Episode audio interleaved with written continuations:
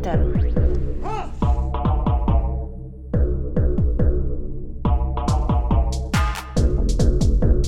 Berätta inte för mig om det svenska klassamhället. Jag har sett det. Jag har växt upp i det. Jag hatar det. Eh, hjärtligt välkomna ska ni vara till ett, eh, kära lyssnare, till ett avsnitt av Komintern. Hej, hej. Vi har två gäster i studion. Ja, vill ni presentera er? Ja visst, eh, jag heter Rut. Jag är från nätverket TCA, vilket står för Take Concrete Action. Och jag Ola från samma nätverk. Okej. Har ni det bra? Har ni haft en fin dag? Eh, faktiskt inte, men eh, jag återhämtar mig genom den här podden känner jag. Är du, eh, är du bakfull? Nej, jag är faktiskt inte bakfull. Jag var ute eh, i helgen eh, väldigt länge, helt nykter faktiskt, för jag jobbar dagen efter. Jag, jag har bara vänproblem just nu. Mm. Ja, och det, ankaret i dagens avsnitt eh, står eh, min kära kamrat Tor för. Ja, som har haft en fantastiskt bra dag. Mm. Jag har varit på gymmet, jag har varit i skogen. Jag har hämtat ut en massa Magic-kort. Så vi ska ha draftfest. Det låter som den perfekta dagen liksom. Ja, det är, Gymmet, skogen, Magic-kort. ja, det är väldigt nära den perfekta dagen faktiskt. Det är, jag mår som en, jag mår som en liten gris idag alltså. Det är riktigt härligt. Ja, och den, eh, jag vet inte, den, den artistiska eh, touchen, det står jag Gaspar för. Eller något. jag, vet inte riktigt vad jag ska. Och du har också bjudit på härlig gin-flavored drink. Ja, Så- precis. Eh, alkoholfri gin och lemonad smakande dryck i ett eh, special eh, utformat tyskt, tyskbyggt termosglas. Eh, German engineering German its finest. precis. Eh, ni är här från ett nätverk som heter Take Concrete Action, förkortat TCA. Eh, och eh, ni ska berätta lite om vad fan det är ni pysslar med egentligen. Eh, vad, vad är det ni pysslar med?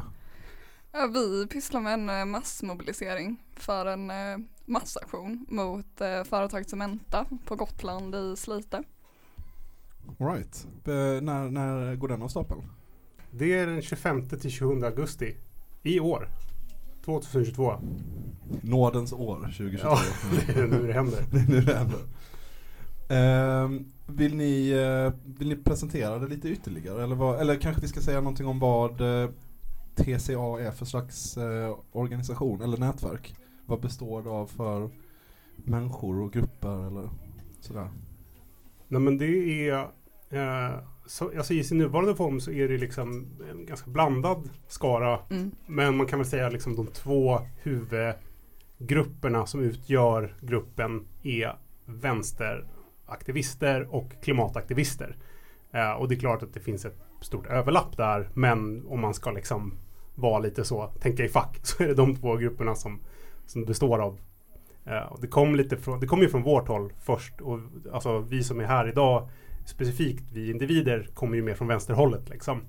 Eh, Men nu tycker jag att det är ganska 50-50 i de som faktiskt är med och mobiliserar och jobbar med det liksom. Från både miljö och vänsterhållet. Ja, den, den stora skillnaden är, där är väl att vi som vänsteraktivister är väl lite mer ideologiskt orienterade i den här frågan. Alltså att vi, um, ja men som vi pratar sen så är alltså hela kalabaliken med Cementa verkligen så typexemplet på varför staten och kapitalet alltid håller varandra om ryggen. Uh, och det kanske inte du kommer höra från klimataktivisterna som är med i det här lika mycket, även fast de också eh, som oss är trötta på att politiker aldrig får något gjort liksom. Och det är bara tomt prat hela tiden. Men är det, ni är inte geografiskt bundna va? Det här pågår lite överallt i hela Sverige, den här arbetet kring den här aktionen, det här nätverket finns lite varstans. Ja, alltså inte bara i Sverige. Vi har ju haft eh, Infotor i Tyskland. Eh, väldigt många städer i Tyskland faktiskt. jag, jag är imponerad. Eh, vi har även kontakter i Finland. Vi ska snart ha ett infomöte. Eh, beroende på när den här podden kommer ut så kanske det redan varit. Men i Oslo eh, och vi har även folk i Danmark så det är lite mer typ så här norra Europas massklimataktion. Det är så gött att eh, tyska terroristerna alltid är liksom en del i alla så vänstermobiliseringar i Sverige. Det är, Ja. det, man kan lita på att det kommer finnas tyska terrorister. Tycker ändå det är bra. Alltså jag kan säga utan att lova för mycket att jag har av en kamrat till mig i Tyskland blivit lovad minst 20 kader kommunister som ska komma upp till Gotland och, och stötta oss med en liten taskforce.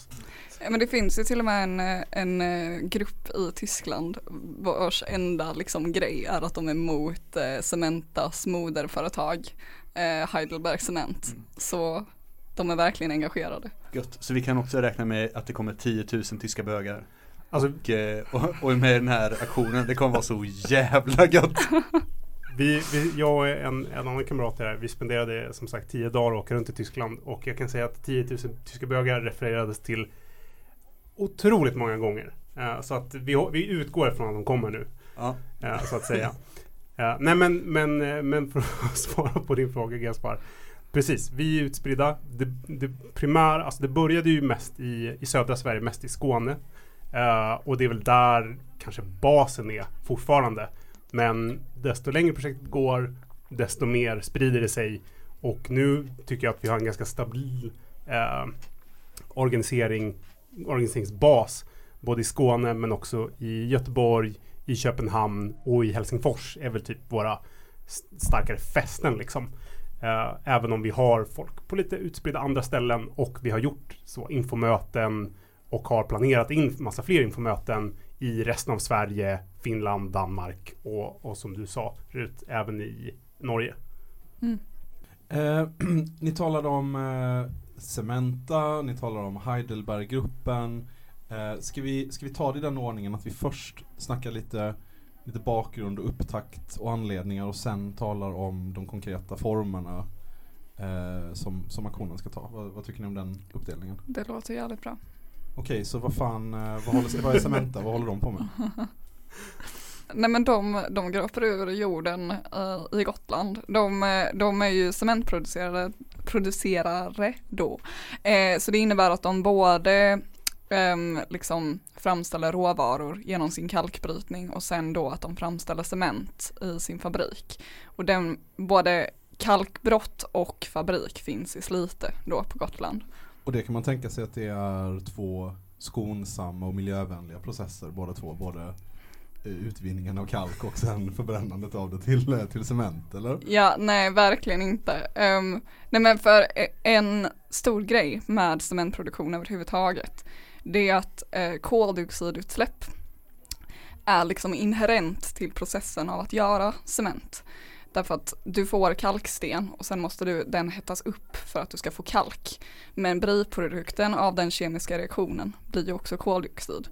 Så även om Cementa går runt och snackar om att men nu ska vi använda biobränslen istället för kol för att hetta upp våra ugnar så kommer ju fortfarande biprodukten vara extremt mycket koldioxid. Eh, just för det kan man inte liksom effektivisera bort eller replacea med andra drivmedel. Ehm, och sen just kalkbrytningen de har som ju är det som eh, de inte får tillstånd till av Mark och miljödomstolen som sedan överklagades av eh, riksdagen. Eller så här overturned. För det här är, det här är någonting, det här är när jag, vad jag känner igen Cementa ifrån från, när jag hörde det första gången. Och det är när det här, när det var sån panik för några, vad var det, förra året? Mm. När de bara, nu kommer vi inte få bryta cement, allt kommer gå åt helvete. Och ja, det blev, eh, ja men det blev ett jävla ramaskri liksom. Och sen så, och sen så, ehm, för att av miljöskäl så fick de inte, alltså som du sa, Mark och miljödomstolen sa att så här, ni, ni uppfyller inte de kraven som vi har. Och sen så sa riksdagen att så här, mm, fast det är okej, ni, får, ni får ändå Mm. typ. Vill ni gå igenom den processen bara lite? Eh, ja, det kan vi ju göra. Alltså, eh, det är ju det är, må- det är så många rörliga komponenter i hela den här grejen liksom. Eh, men jag tänker, är det okej om vi kommer tillbaks till just de juridiska vändorna för det är lite invecklat. Absolut, Så absolut. kan vi Mm. bara eh, gå, alltså, gå igenom de här klimat och Ja, Varför vi gör det här. liksom. Mm. Nej men för alltså så här koldioxidutsläppen är inte den främsta anledningen som vi gör detta och det är inte främsta anledningen till att folk är emot Cementa eller att ens Mark och miljödomstolen sa nej. Utan det är för att ehm, den här kalkbrytningen de har i sin gruva ehm, i princip förgiftar grundvattnet där. på två sätt som jag förstått det. Eh, för den här kal- kalkbrytningen, förutom då att så här, det krävs ju land för att ha en jävla stor öppen gruva liksom, eh, så bidrar det till sprickor i, eh, i grunden omkring. Och det gör att saltvatten kan sippra in. Eh, och det gör då att Eh, du inte, ja det är inte rent sötvatten längre och det kan inte användas till dricksvatten. Och det förstör även eh, de väldigt sköra naturreservaten runt omkring. Och sen de här sprickorna gör också att grundvattnet hamnar i obalans. Det liksom transporteras inte jämnt. Eh, så det har också en väldigt dålig effekt på naturen omkring. Så det är alltså bokstavligen så att de håller på och gröper ur ön Gotland. så att grunden till själva ön håller på att spricka. Det är så jävla Mordor eh. Ja, men om man tänker att liksom de säger ja, men vi behöver kalk för att kunna göra cement. Och Gotland är perfekt, för det är bara en stor kalksten. Om Mm. man liksom då tänker att de håller på ett tag till, ja då, då är det inget Gotland kvar. Alltså det är i princip det som håller på att hända liksom. Och det ska ju sägas att det är inte bara Cementa som håller på med det här utan kalkbrytning på Gotland är liksom det, det, är en, det är en stor industri liksom. Men sen så är Cementa en av de absolut största eh, producenterna här som vi snackar liksom. Och, och Slite är liksom värsta gruvan som finns. Alltså de har naturreservat precis på kanten av gruvan verkligen. Där det också är så här, det här säljer jag för fältbiologerna eh, som lyssnar, de får, när, eh, massa dagfjärilar som har så reproduktionsmarker där som skulle dö om inte ni hjälper oss att stoppa Cementa. Men det ska också sägas att eh, alltså, när man ser, för när vi var där och rekade första gången innan vi hade liksom satt att så, ja, vi ska verkligen köra på det här så vill vi ju kolla in först hur ser det ut på marken och, och så. Och när vi var och kollade så var det det var rätt sjukt liksom. Och, alltså jag vet inte hur många av lyssnarna är som har varit på typ Endegelände till exempel. Men då är ju ofta en upplevelse att man, man kommer dit eh, och så eh, har man tänkt att ja, jag ska göra liksom, klimataktionen, ska bli fett. Men när man väl kommer fram så inser man hur sjukt det faktiskt är när man ser med sina egna ögon. De här enorma liksom eh, bara såren i jorden liksom. Och lite samma var det när vi var där och kollade på Gotland. Att det var, man kommer dit, man vet ändå att det- det är ett kalkbrott som man borde vara förberedd mentalt. Men när man väl står där och ser liksom där så kilometerlånga liksom bara hålet i marken mitt i den här jättefina unika naturen så blir man ändå rätt chockad liksom. Vi kommer nog få gå igenom vad en del länder är för något, eller Mm. våra skallar vet ju det. Vi hade ett avsnitt för länge sedan om NDG-länder. Men bara kort, vad är NDG-länder för någonting? Just det, det är bra, bra att du säger det Tor. Uh, nej men Endeglän det är ju i en sån stor långtgående uh, massaktionskampanj i Tyskland. eh, som under, ja, det är säkert tio år nu, eh, har anordnat just eh, klimatläger och direktaktion mot primärt kolindustrin i Tyskland. För den är, den är, eller i alla fall har varit en väldigt stor industri i Tyskland. Eh, så då har man anordnat just så direktaktioner där man har gått in, stört produktionen på plats för att på så sätt sätta press på Alltså både liksom, delvis politiker men kanske framförallt då på, på de här företagen eh, som extraherar kol eh, för, att, eh, för att få dem att sluta helt enkelt. Och i slutändan, alltså som det visar sig nu så har det ju funkat liksom. Eh, för nu har kolindustrin i Tyskland sagt att de kommer lägga ner, de drar sig tillbaks. De ska inte hålla på med, alltså såklart så kommer de fortsätta hålla på ett tag till. Men de har slutat med sin expansion. Eh, så vi tycker att det är ett bra kvitto på att den här typen av auktioner funkar liksom. För att det blir till slut för dyrt för de här kapitalisterna att investera i ny infrastruktur när de vet att det finns så många som kommer störa ut deras produktion och skada dem ekonomiskt i längden. Och de är eh, också eh, den, det initiativet vi tar mest eh, inspiration ifrån. Och vi har liksom, när vi har varit på infomöten och speciellt när vi har snackat med kamrater så har vi ju sagt att ja, men det här är liksom Endegelände för Sverige. Och vi hoppas att det här liksom det kommer inte stanna vid vår massaktion utan det kommer liksom bli en dominoeffekt av flera aktioner av samma slag. um, mot Cementa också, om inte andra företag. Så länge de inte lägger ner liksom. Nej, för man kan ju tala om det här från lite olika eh, perspektiv. Eh, man kan tala om miljöaspekten, man kan tala om eh, eh, så praktiska eh, liksom aktionsformen, bla bla bla. Men Man kan också tala om det ur någon slags rörelseperspektiv. Eh, jag menar, jag tycker det är ganska spännande att eh, eh, miljörörelse och eh, någon slags radikal revolutionär vänsterrörelse rör sig närmare mot varandra och har gemensamma projekt. Eh, vill ni tala lite om det eller vill ni säga någonting om den aspekten av det?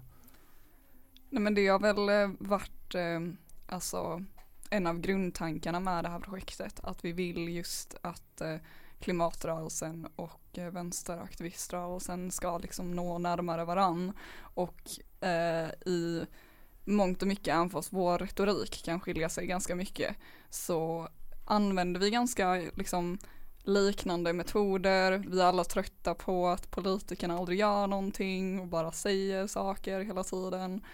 Eh, alltså jag menar så här, XR till exempel på många sätt är ju alltså mer anarkistiska än många anarkistiska grupper. De är ju väldigt så här, ja men arbetsgruppsorienterade, eh, de i arbetsgrupperna bestämmer vad som kommer hända där. Att vi har väldigt många liknande arbetssätt. Eh, så då är det dumt att inte försöka hitta någon sorts common ground. Eh, och nu är det ju val snart också. Alltså man kan ju väldigt mycket, alltså när man tittar från ett örnperspektiv på vad som händer just nu så, alltså den strömningen som är starkast på vänstern är ju miljö. Um, och då måste vi ju liksom pusha på det så mycket vi kan. Ja, men jag tror att alltså, med tanke på liksom, vad ska man säga, poddens natur, vilken podd vi sitter i så, så är det också liksom klädsamt att vara så här, ganska transparenta från vår sida liksom med vart vi kommer ifrån med det här projektet. Speciellt som sagt, vi som sitter här är ju representanter för vad man ska säga vänsterdelen av det här projektet. Eh, och vi har ju länge haft en diskussion, alltså i flera år nu, där vi har sagt att vi måste av flera skäl bli bättre på det här med klimat och miljö. Liksom. Alltså att eh, dels utifrån liksom en, en väldigt så genuin, liksom, det, här är ett, det här är vårt stora problem, liksom. alltså för vår generation, för, för alla människor. Liksom, att jorden håller på att liksom förändras radikalt och vi måste göra allt vi kan för att göra det bästa av det. Liksom. Och på det sättet så är det väldigt viktigt att vi på liksom en analytisk nivå liksom blir skarpare och fattar, okej, okay, men vad är vänster klimatpolitik? Vad är radikal vänsterklimatpolitik? Och gör den analysen. Men det finns också liksom den delen som är kanske mer, eh, vad ska man säga, egoistisk eller liksom så överlevnadsmässig i att alltså, den radikala vänsterrörelsen är inte särskilt stor idag. Men en rörelse som är jävligt stor är ju miljörörelsen. Den är enorm liksom om man kollar på ren antal liksom. Eh, så där finns det liksom en väldigt viktig poäng för oss känner vi att så här, vi måste vara med där och inte liksom på det här trottiga sättet att vi ska gå in och säga att vi är, vi är snälla och vi är som ni och sen så helt plötsligt bara bara bing bara bang. Vi lurade er, vi, vi var eh, trotsistiska bababa hela tiden eh, och nu ska vi bestämma. Utan vi vill gå in i det här med liksom ganska öppet med vilka vi är, vart vi kommer ifrån, vad vi tycker för att kunna ha en dialog helt enkelt. Så här, vi vill kunna komma och säga så.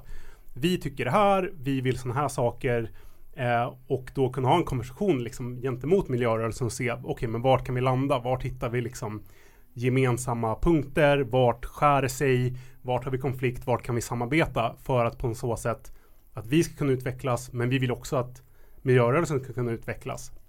Och vi vill kunna liksom vara en del av den Alltså den miljörörelsen som kommer ut ur den här processen vill vi vara en del av liksom. Inte stå utanför, varken liksom för att vi har valt det själva eller för att vi har blivit efterlämnade utan vi känner att miljörörelsen ska till slut vara en vänsterrörelse liksom.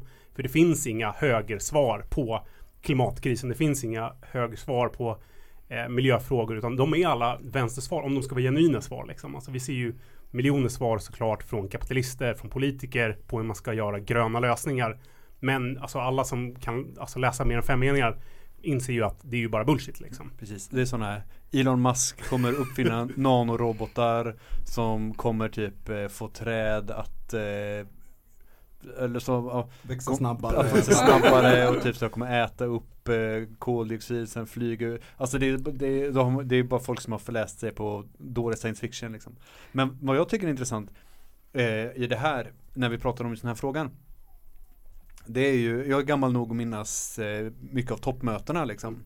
Mm. Eh, just, eller när det var toppmöte här och typ eh, när det var toppmöte i, i Skottland 2004 och Genua och så liksom. Och, och det var ju någonting som gav rörelsen väldigt mycket liksom luft under vingarna. Folk träffades, folk gjorde saker tillsammans, folk blev peppade liksom. Och jag har fått lite samma känsla även på en mycket, mycket mindre skala. När det har varit sådana här klimataktioner, till exempel när det var aktionen mot bensinhamnen, när var det? Två år sedan? Tre? 2019. 2019. Eh, och då var det jättemycket kamrater och det var ju superfint att se liksom eh, hur eh, man fick så mycket pepp av att få bland folk liksom och göra saker tillsammans.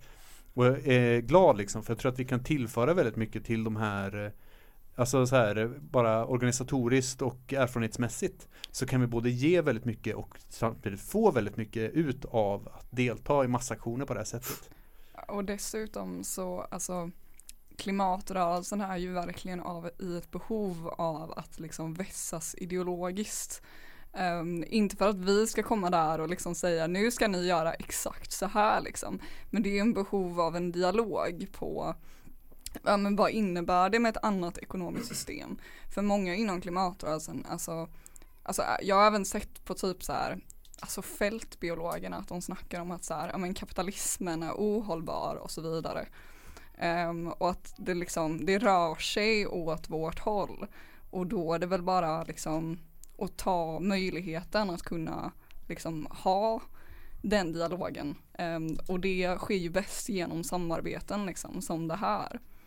Ja, men jag tänker liksom, alltså två tangenter här liksom. Först det här med just det här med massaktion och samlas liksom faktiskt vara på samma ställe och att det ger bra energi. Det är lite därför också vi gör det i relation till så, alltså som vi har tänkt på det i NDG länder liksom.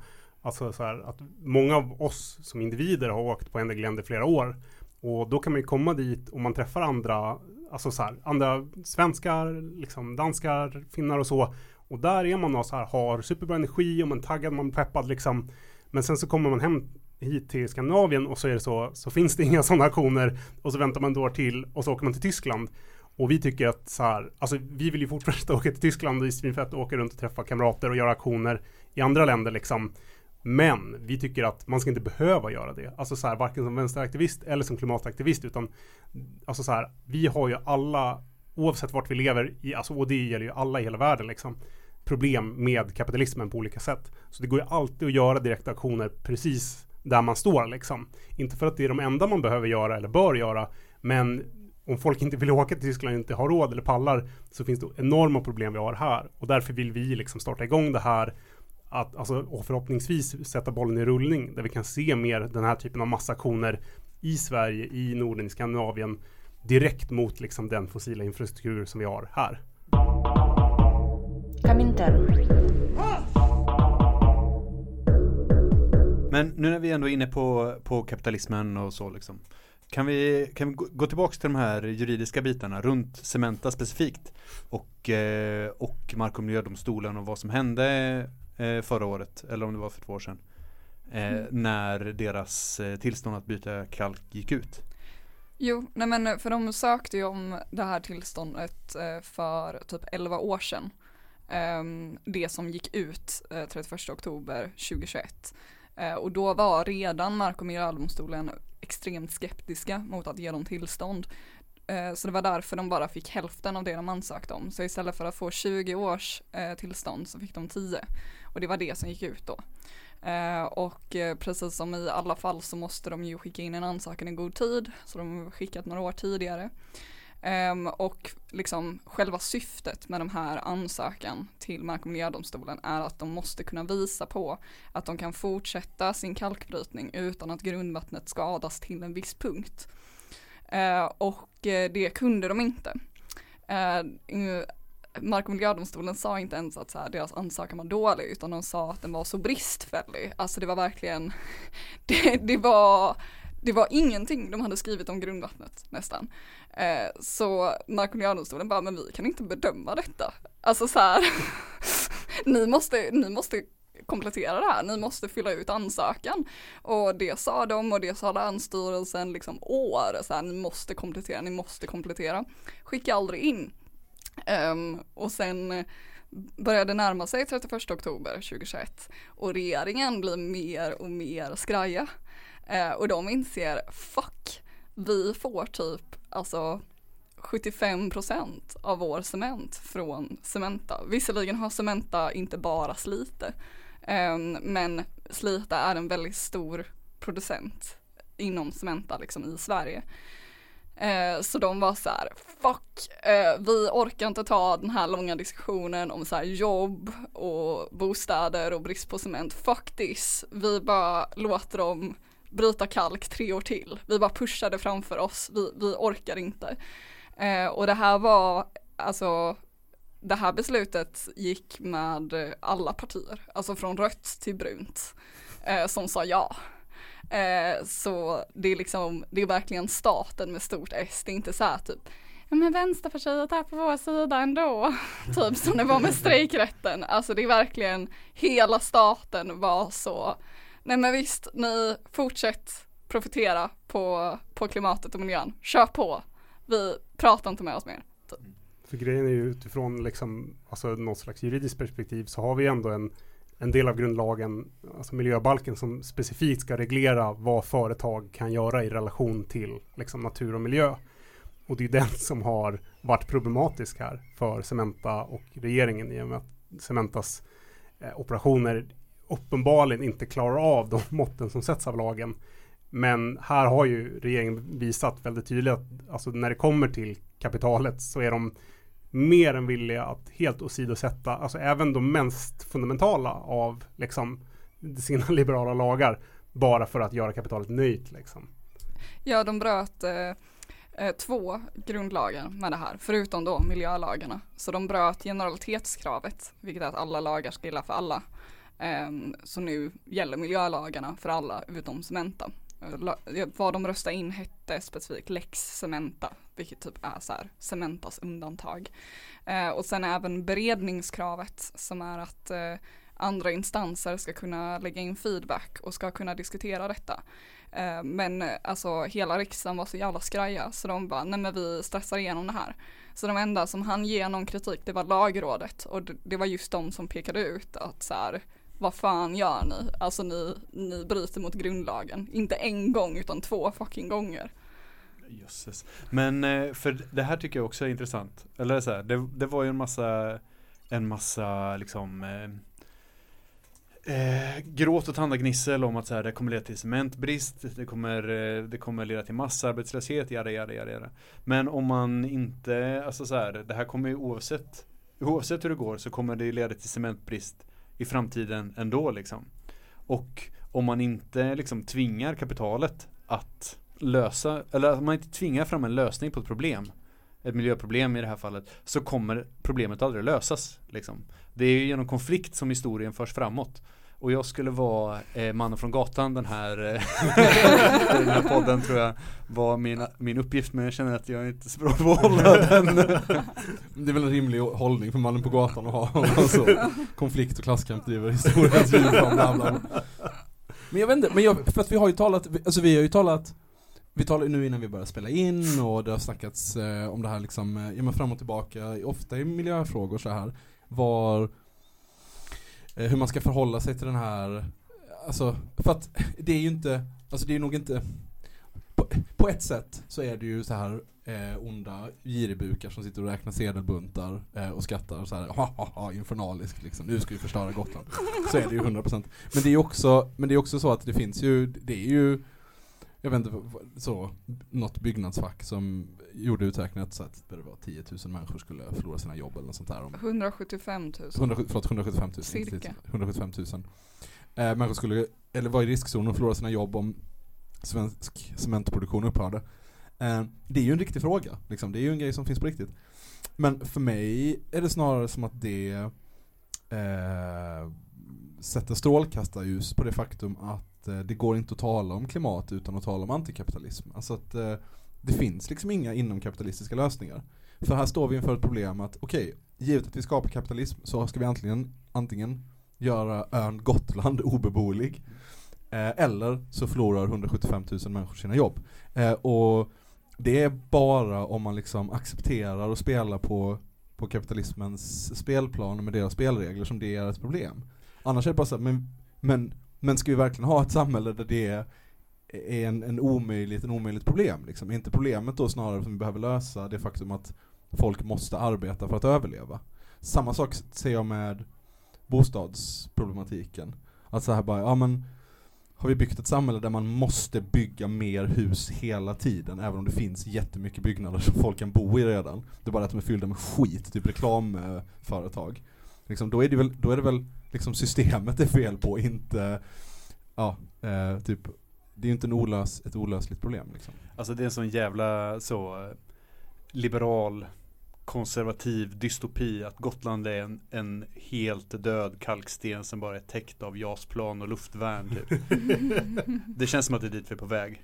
Hellre att vi sänker ön än att ryssen får den. Men det känns som att de vill ha så, Fortress Gotland liksom. Det är, bara, det är verkligen så. Det är en stor bunker som själv bygger sig själv. Alltså så man har kalket där och så bara bygger man upp det till en stor mur mot ryssen liksom. Alltså, Jag fick en sån skitcool vision av eh, man skulle kunna göra en remake på Flykten från New York, fast Flykten från Visby istället. Så Snake Plissken åker in och ska rädda något sånt kraschat plan på, ja, whatever. Ja men det, det är ju det som är så extremt provocerande med statens beteende här. För det är ju aldrig varit en fråga om så här ifall Cementa ska få bryta kalk för evigt. Liksom. Det är inte varit på bordet. Det är ju därför de har behövt ansöka hela tiden till Mark och miljödomstolen om ytterligare tillstånd.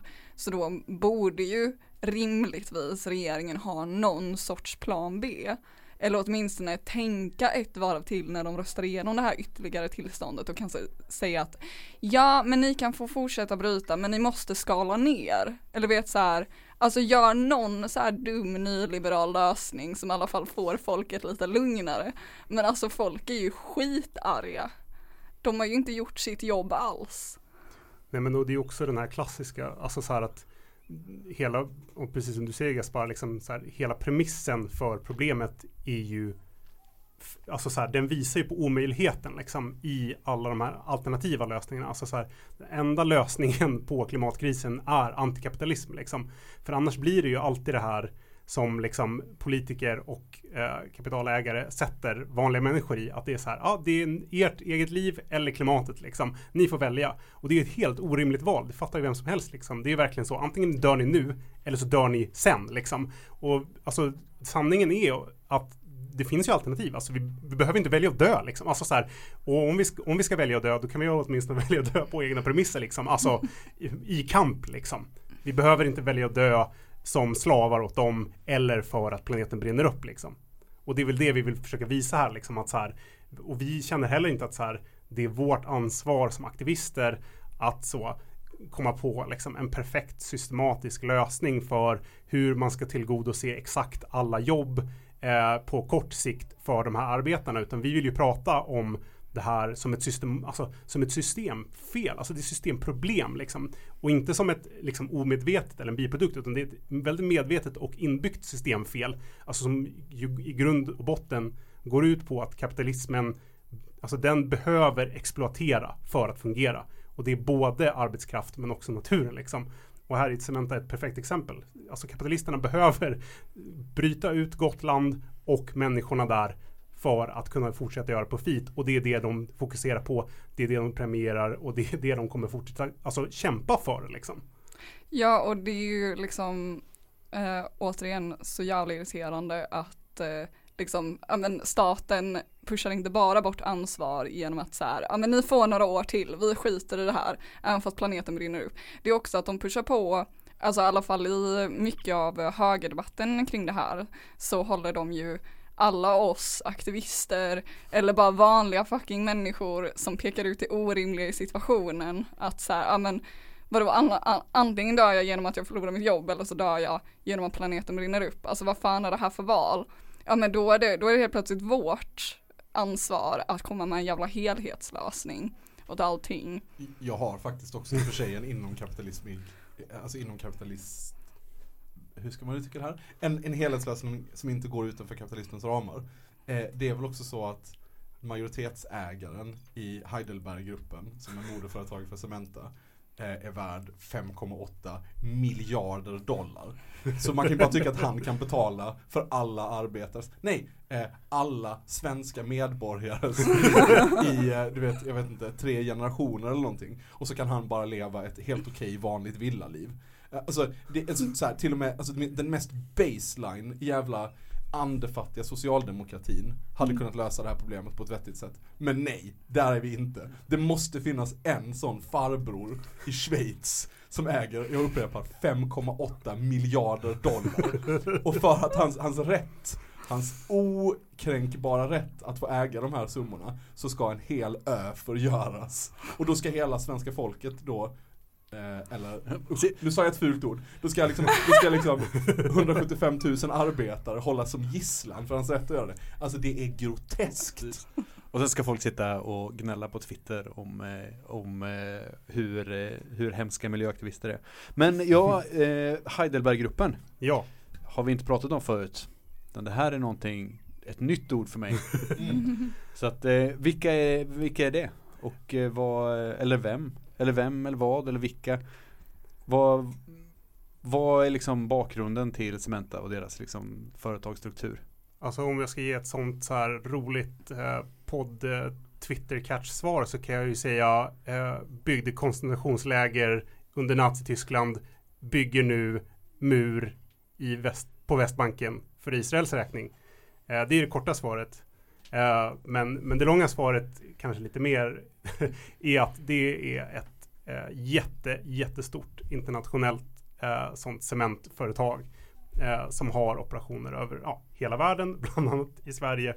Men även som sagt i alltså, några av de kanske vidrigaste eh, politiska och humanitära situationerna eh, runt om i världen. Liksom. Och där, alltså såklart, Palestina är ett väldigt tydligt exempel där eh, alltså Cementa äger en, ja, de har en undergrupp liksom, eh, som heter eh, israeliskt företag eh, som alltså har flera olika sådana kalkbrott på Västbanken. Eh, där de alltså, ja, de gör samma sak som på, som på Gotland helt enkelt. De går in och bryter eh, och har sönder liksom, naturen för lokalbefolkningen, extraherar det kalket för att sedan producera cement som byggs i fallet i Palestina då för att bygga mer eh, infrastruktur åt alltså, den israeliska statsmakten liksom, för att vidare liksom, eh, hålla den palestinska befolkningen som gisslan. Eh, så det är ju liksom, det är ganska sjukt företag på många sätt liksom. Och de har exakt samma typ av operation i Västsahara som är också en sån, även om den är mindre känd, liksom, sån, eh, alltså vad ska man säga, settler colonial situation liksom. Alltså där den marockanska staten eh, ockuperar Västsahara som eh, eh, ja, där, där de, den befolkning som lever där lider under ett liknande förtryck helt enkelt. Och det här Cementa såklart också har exakt samma typ av operation liksom. Eh, så, så vi kan väl säga att Heidelberg är ju det här klassiska eh, Alltså, ja men verkligen så stereotypen av det här onda multinationella företaget. Alltså lite som det eh, som sades innan där om de här som sitter och rullar sina mustascher och skrattar eh, bakom stängda dörrar liksom. Det är, det är Heidelberg liksom. Så att de som vill ursäkta Cementa med att så här, ja men det är så svenskt, snällt, familjeägt, för, alltså ni vet alla de här eh, alltså myterna som alltid ska föras fram om svenska företag, att de är så, alltså den här svenska exceptionalismen liksom, alltså svenska företag är så snälla och fina liksom. Eh, då kan man bara gå och kolla på, ja men vilka är det som egentligen äger de här? Jo, det är liksom så. Folkmördare och eh, alltså så här, krigsbrottslingar i princip. Ja, säg det till barnen som dör av törst i Västsahara. Liksom. Exakt.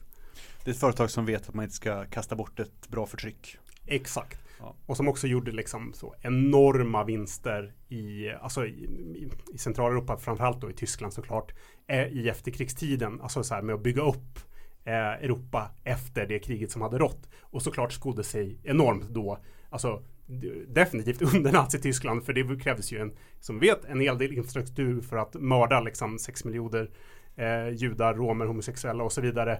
Men såklart även efter för att bygga upp hela det där. Så mm. att det här är ju företag som kommer med sådana enorma kapital av lidande eh, och fortsätter profitera på exakt samma premisser. Jösses. Ja, man blir utmattad av det. grå, grå i ansiktet, trött och ledsen. Kaminter. Så ska vi gå in på själv, nu när vi vet liksom vad, vem motståndaren är, ska vi gå in på själva, mm, ska vi gå in på själva aktionen? När är den? Till att börja med. Den här eh, 25 till 27 augusti. Helt enkelt. Denna augusti. I herrens år 2022. Och då är tanken eh, att eh, alltså själva auktionsdagen är på eh, fredagen där som är alltså den 26. Eh, och såklart så är det ju alltid lite tjorvigt att lägga en stor auktion på en vardag för folk har såklart jobb, studier, familj, ni vet hela den. Men för att kunna störa produktionen så måste man ju faktiskt vara där när produktionen är igång och det är den bara på vardagar. Så därför har vi valt att lägga det så. Eh, och då är liksom eh, ja, den, den logistiska planen, om man ska säga att förhoppningen är att folk kommer på eh, onsdagen, eh, onsdag kväll typ. Liksom, det går ju ett antal färger beroende på om man åker från Oskarshamn eller Nynäshamn. Eh, så kommer man på onsdagen och sen så torsdagen är det liksom en så preppdag liksom, där vi ska ha auktionsträningar, eh, infogrejer, så juridisk information, bilda vängrupper. Ja, ni vet, the works liksom. Eh, sen är fredagen själva auktionsdagen som sagt. Eh, då knallar man iväg och gör sina grejer. Det kommer vara fett. Eh, och sen lördagen är då liksom uppsamlingsdag. Vi ja, försöker liksom kolla av så att allt är nice, allt är gott, eh, kolla att folk mår bra och så vidare. Allt det där stödgrejerna och förhoppningsvis ska vi också kunna erbjuda lite så eh, workshops, föreläsningar, seminarier och sådana grejer. För vi, som, som vi har sagt så vill vi att det här ska vara liksom en del i en större eh, pågående process, liksom inte bara så här en aktion och sen är det dött liksom. Så vi hoppas att lördagen ska kunna liksom vara ett tillfälle för folk att liksom fånga upp lite av den här eh, goda energin och liksom se, okej, men vad vill vi göra framåt liksom. Ja det kan låta som väldigt många dagar att vara borta liksom. Eller typ tänka sig att vi bara sticker dit på en buss och sen rakt ner i kalkbrottet typ. Men eh, liksom det, det kommer vara en dag av aktioner. Och det, det kommer definitivt räcka. Ja, men, men, det, men jag tänker mig, det är ju nästan eh, liksom lite så festivalstuk. Alltså det är tältläger och det kommer sitta eh, killar med alldeles för stort självförtroende och spela gitarr och det kommer Mm. hela den grejen liksom. Ja men gud vad mysigt liksom. Ja men det kommer vara liksom Ende Gelände fast svenskt och alltså lite lugnare uppenbarligen för det här är första gången vi gör det här. Men liksom, ja men om du varit med på Folk mot fossilgas så är det liksom, det är coolare än det. Det är nästan lika coolt som Ende Gelände. Ja, precis. Nej, men eh, precis. Det kommer vara liksom förhoppningsvis så nice lägesstämning liksom. Det är det vi, vi siktar på liksom.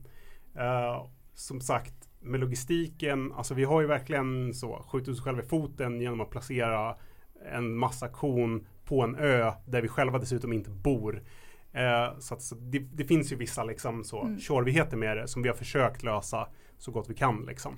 Och vi, vi har ju kontakter på Gotland, vill Ja. vi också lägga in här. Vi jobbar ju Eh, ganska liksom. mycket med alltså, miljöaktivister på Gotland. Liksom, så att vi har lokal kontakt. Vi får dessutom ganska positiv feedback.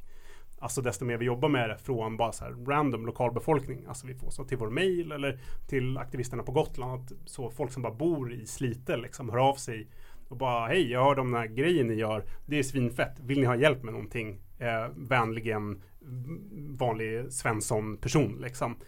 Eh, Så att en del logistik har faktiskt löst sig av att vi har jobbat redan från början med att verkligen försöka integrera eh, alltså lokala människor, både aktivister och liksom vem som helst. Mm. Men sen så har vi också försökt lösa vissa grejer genom att till exempel om man kommer söderifrån, alltså från Danmark och Skåne och så, så kommer vi ha bussar eh, som åker och kan plocka upp folk liksom. Eh, och det kan man absolut hitta mer information om på vår hemsida och så vidare. Det kan vi komma in på sen.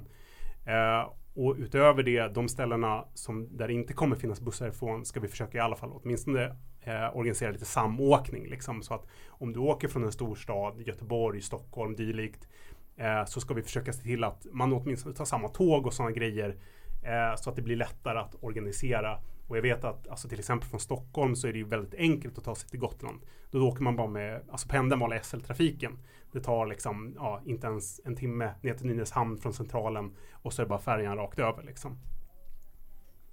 Jag trodde man satte sig i sin pappas BMW och eh, Man så- tar sin och- jakt och så åker man ner på Stockholmsveckan och så Precis. Men det kanske finns fler stockholmare som bes- Eller förhoppningsvis så kommer en, en helt nytt klientel stockholmare besöka Gotland nu. Alltså vi har ju tänkt så liksom, det finns ju de, de klassiska veckorna liksom. Det är så, det är Almedalsveckan, det är Stockholmsveckan och det är Medelsveckan. Den senare uppenbarligen den bästa av de här veckorna. Ja. Men vi ska försöka toppa det nu genom att ha så, eh, ja, Take Concrete Action-veckan liksom efter allt det här. Eh, för att liksom bygga på Gotlands vecka-tema. Okej, men eh, om man är så här lite småsugen på att åka men man kanske inte har varit på Ende Gelände, man kanske inte har varit på så mycket eh, olika sådana här grejer överhuvudtaget. Vad ska man liksom tänka? Vad ska man packa i sin ryggsäck? Alltså vi har ju skrivit ihop och kommer snart publicera en ganska utförlig packningslista liksom. Så att man verkligen inte ska liksom komma oförberedd. Eh, men generellt sett så är det ju liksom som sagt, vi kommer ju sikta på en auktionsdag. Så man behöver ju inte liksom tänka att man ska så bo ute i ett kalkbrott i veckor. Liksom. Och Alltså, om inte auktionen blir superlyckad och vi liksom sätter igång en permanent ockupation av den här operationen. Liksom. Men, men det får vi liksom lämna till framtiden. Ehm, så jag tror det man ska förvänta sig är att just så komma gärna så tidigt som möjligt, det vill säga onsdag kväll typ. Var med hela eh, preppdagen, torsdagen. Eh, och sen eh, var, var liksom inställd på att hela fredagen är liksom aktion på ett eller annat sätt. Oavsett om det är gå långa sträckor för att komma till rätt ställe eller sitta väldigt länge och ha tråkigt, vilket också är ju ofta en stor del av de här aktionerna. Eh, men också liksom att så eh, vara beredd på att vara i ganska nya typer av situationer. För vi ser ju det här lite som alltså en helt ny typ av aktion i en svensk och kanske till och med skandinavisk kontext. Alltså att så här, det, det mest lika är ju Folk mot fossilgas, alltså som var i Göteborg för ett par år sedan. Eh, men det var ju också Alltså det finns, det finns en hel del paralleller men det finns också ganska mycket skillnader. Liksom. Inte minst att det här en, eh, alltså det var en väldigt urban miljö. Det här är totalt ourbant. Liksom. Eh, så att på det sättet så tror jag att det, det man kan förvänta sig är svårt att säga på vissa sätt. För att vi vet heller inte hur eh, Alltså vi vet inte hur de som reagerar emot kommer reagera. Alltså det vill säga både eh, Cementa men också hur polisen kommer se på det här. Eh, för att vi har ingen erfarenhet av hur snuten agerar i sådana här lägen. För de har inte riktigt varit i sådana här lägen tidigare. Liksom. Eh, Eh, så, att, så därför tror jag att det bästa man kan göra är att liksom komma tidigt så att man kan vara förberedd, ha bildat ordentliga vängrupper och så vidare. Så att man känner sig så trygg som möjligt eh, på plats helt enkelt. Vi kanske ska förklara vad vängrupper är också. Um, ja, men det är, jag kan säga så att det är väl en grupp personer, helst folk du känner eller åtminstone känner dig trygg med. Eh, som liksom ni håller koll på varandra under hela aktionen. Eh, och liksom du, om, om du går åt ett håll så kommer de följa med dig. Och ni måste liksom samarbeta på det viset så att vi inte liksom tappar någon. Men, men, ja, men några grundläggande saker kan man ju ändå tänka sig att man kan förbereda sig på. Man bara, kommer man behöva bo i tält? Eller ska, man, ha- ska man ha med sig tält? Man får jättegärna ha med sig tält. Eh, det får man absolut ha. Om man inte har med sig tält, sover man under bar himmel då? Om man inte har med sig tält, om man absolut inte kan få med sig tält, för det är såklart enklast för oss om alla har med sig egna tält. Om man inte kan få med sig tält så kommer vi försöka ha alltså lite så allmänna tältplatser. Eh, men det är såklart blir ju mer jobb för oss. Kommer det finnas mat? Kommer det finnas storkök och matkok och sånt? Yes, vi har ett dedikerat köksteam. Superbra. Ehm, och sen så funderar jag på, eh, Folk mot fossilgas, de körde ju finger, eh, fingertaktik. Yes. Yes. och det kommer vi också göra. Okej, och vad är det för någonting? Jo, men finger, fingertaktik eller fingerstruktur är ju helt enkelt att eh, av alla deltagare i aktionen så kommer vi dela upp oss eh, i ett antal olika fingrar som har olika mål helt enkelt. Så att det övergripande målet är ju såklart att stänga ner Cementa under ja, så lång tid vi kan I guess. Eh, men det kan man ju dela in i mindre operationer eller mindre mål. Eh, för att göra det mer effektivt så att vi kan sprida ut helt enkelt eh, polisens resurser så mycket som möjligt. Eh, och då, då kommer det liksom kunna finnas olika nivåer man kan delta på och i liksom. Och till sidan av de här fingrarna så kommer det även finnas en, en helt, vad ska man säga, vanlig demo liksom inne i det här lilla samhället Slite. Så om man vill komma men verkligen inte vill delta i någonting som skulle kunna innebära juridiska konsekvenser för en själv så kommer det finnas möjlighet att göra det också. Om man till exempel är lite äldre eller har någon funktionsvariation som gör det svårt att röra sig ute i mark och terräng. Liksom. Exakt. Eller måste ha barn att ta hand om. Precis. Eh, Så för att summera lite då kanske bra skor, bra kompisar, bra humör, eller? Det kommer man långt på att ta i nästa situation. Och väldigt mycket, mycket vatten. Ta med dig vattenflaska gärna. Och snacks. För det finns som bekant inget grundvatten kvar på Gotland. Ja, det är ju det är liksom den största eh, skevheten med det här att vi kommer ju komma dit och behöva massa vatten. Den resursen som vi kämpar för att de ska få behålla. Eh, men vi ska försöka lösa det på något snyggt och smidigt sätt. Det kommer, det kommer såklart finnas vatten tillgängligt i lägret liksom. Så sätt. Men sen kan man ta med sig solkräm och keps också. För, Just det, ja. det är jättefint på Gotland. Eh, speciellt den tiden på året. Risken finns också att vi blir bortbussade ut i bussen. Så det kommer kanske bli en del promenader också. Mm. Så att förbered dig för det. Och ha på er bekväma kläder. Funktion över estetik. Det får stå för dig. Okej, så ska vi bara dra onsdagen den Onsdagen den 24 så anländer vi på kvällen de flesta av oss. Eh, och sen eh, torsdagen 25 så blir det aktionsträning. Eh, och seminarier, eh, workshops, musik säkert också. Eh, och sen då eh, på fredagen så är det aktionsdag. Då är det liksom gå upp tidigt på morgonen, vara redo på och liksom att det är oklart när du kommer att komma tillbaka till lägret. Ehm, vi kommer inte säga så mycket vad, vad vi kommer göra mer specifikt på grund av säkerhetsskäl. Men som sagt, det kommer finnas olika nivåer av deltagande. Och sen dagen efter så åker vi hem. Och då är liksom det viktigaste man kan göra om man känner att men det här låter fett, jag vill göra det här. Det är ju såklart att bara komma på aktionen. Liksom. Det är nummer ett. Liksom. Mm. Men om man ska vara ännu mer taggad än det så är vi ju såklart alltid i behov av mer hjälp. Liksom. Eh, och det finns flera sätt man kan hjälpa till på. Det första och enklaste är väl typ att följa följ oss på sociala medier. Liksom. Där heter vi Take Concrete Action på både Facebook och Instagram. Eh, och så kan man liksom följa oss och sprida oss där. Det hjälper ju jättemycket. Liksom.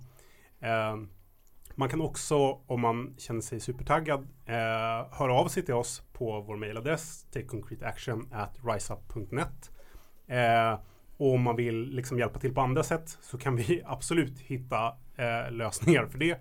Eh, om inte annat så är Sverige ett väldigt långt land. Så om du bor eh, i en liten ort eh, så får du jättegärna höra av dig till oss om du vill typ hålla ett så här infomöte eller någonting om aktionen. Det hjälper oss supermycket. Det betyder att vi har färre ställen som vi behöver åka till liksom. Man får även gärna höra av sig och be om typ eh, så, promotionmaterial. Eh, vi har massa affischer, flyers, klibbor och sånt som man jättegärna får sätta upp eh, precis överallt. Och om man har massa pengar över så får man jättegärna ge det till oss också. Eh, för som ni kanske förstår så är det här en ganska dyr operation och vi har ju det här 100% utan någon slags backning. Eh, så alla pengar vi får in är ju sånt vi lyckas liksom fundraisa själva. Eh, så vill man så får man jättegärna donera en slant eh, och då har vi både Swish, ett bankkonto men också en sån här Firefund-kampanj. Och detaljerna för allt det finns på våra sociala medier.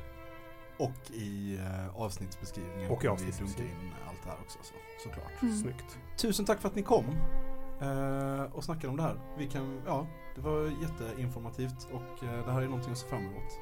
Eh, sådär, ett perfekt sätt att avrunda en festivalsommar. Tack själv. Ja, tack för att vi fick komma. Superfett. Ha det gott gänget. Jag har en pitt oresk liten rabatt som inte står någon annanstans att se. Ty jag har varit natten rabatt jag satt med sånt som idrottsmännen slår rekorden med. Vi har en egen domlig lukt i parken och i en par och sysp syna små djur som haft en far lik tät kontakt med marken som blivit övergjuten med ett slags tinktur.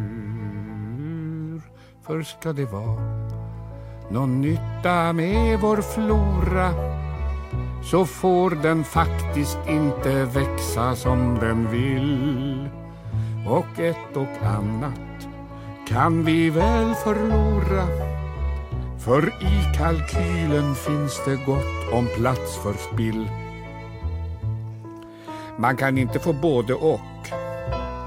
Det ska du veta, så det gäller att bestämma sig. Alltså, hur vill du ha det nu? Vill du ha gulsparvar och ogräs på banvallen eller ogräsfritt och gulsparvsfritt? Va? Det är bara att välja. Och vill du att älvarna ska rinna som de gör och alltid har gjort? Eller vill du ha stillastående dammar men flera torkskåp och ännu större neonskyltar? Och vill du ha levande tallar som står i skogen och susar? Eller vill du ha flera damernas värld? Mm? Hur vill du ha det? Det är bara att bestämma sig. Vi har en lus tigelj uti i vår hage. Den är det väl dikt trist att titta på.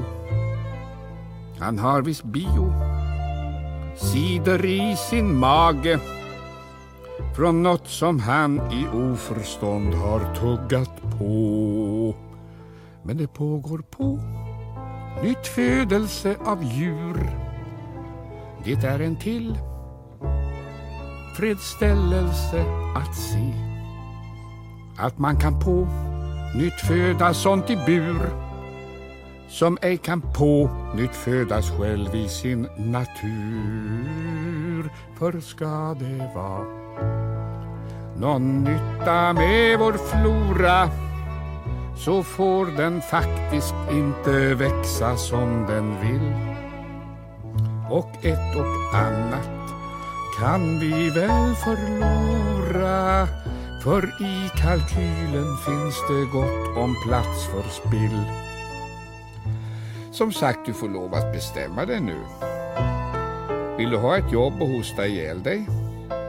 Eller vill du leva länge utfattig, arbetslös men frisk och kry och utan hosta? Mm? Vill du ha allergi och jobb?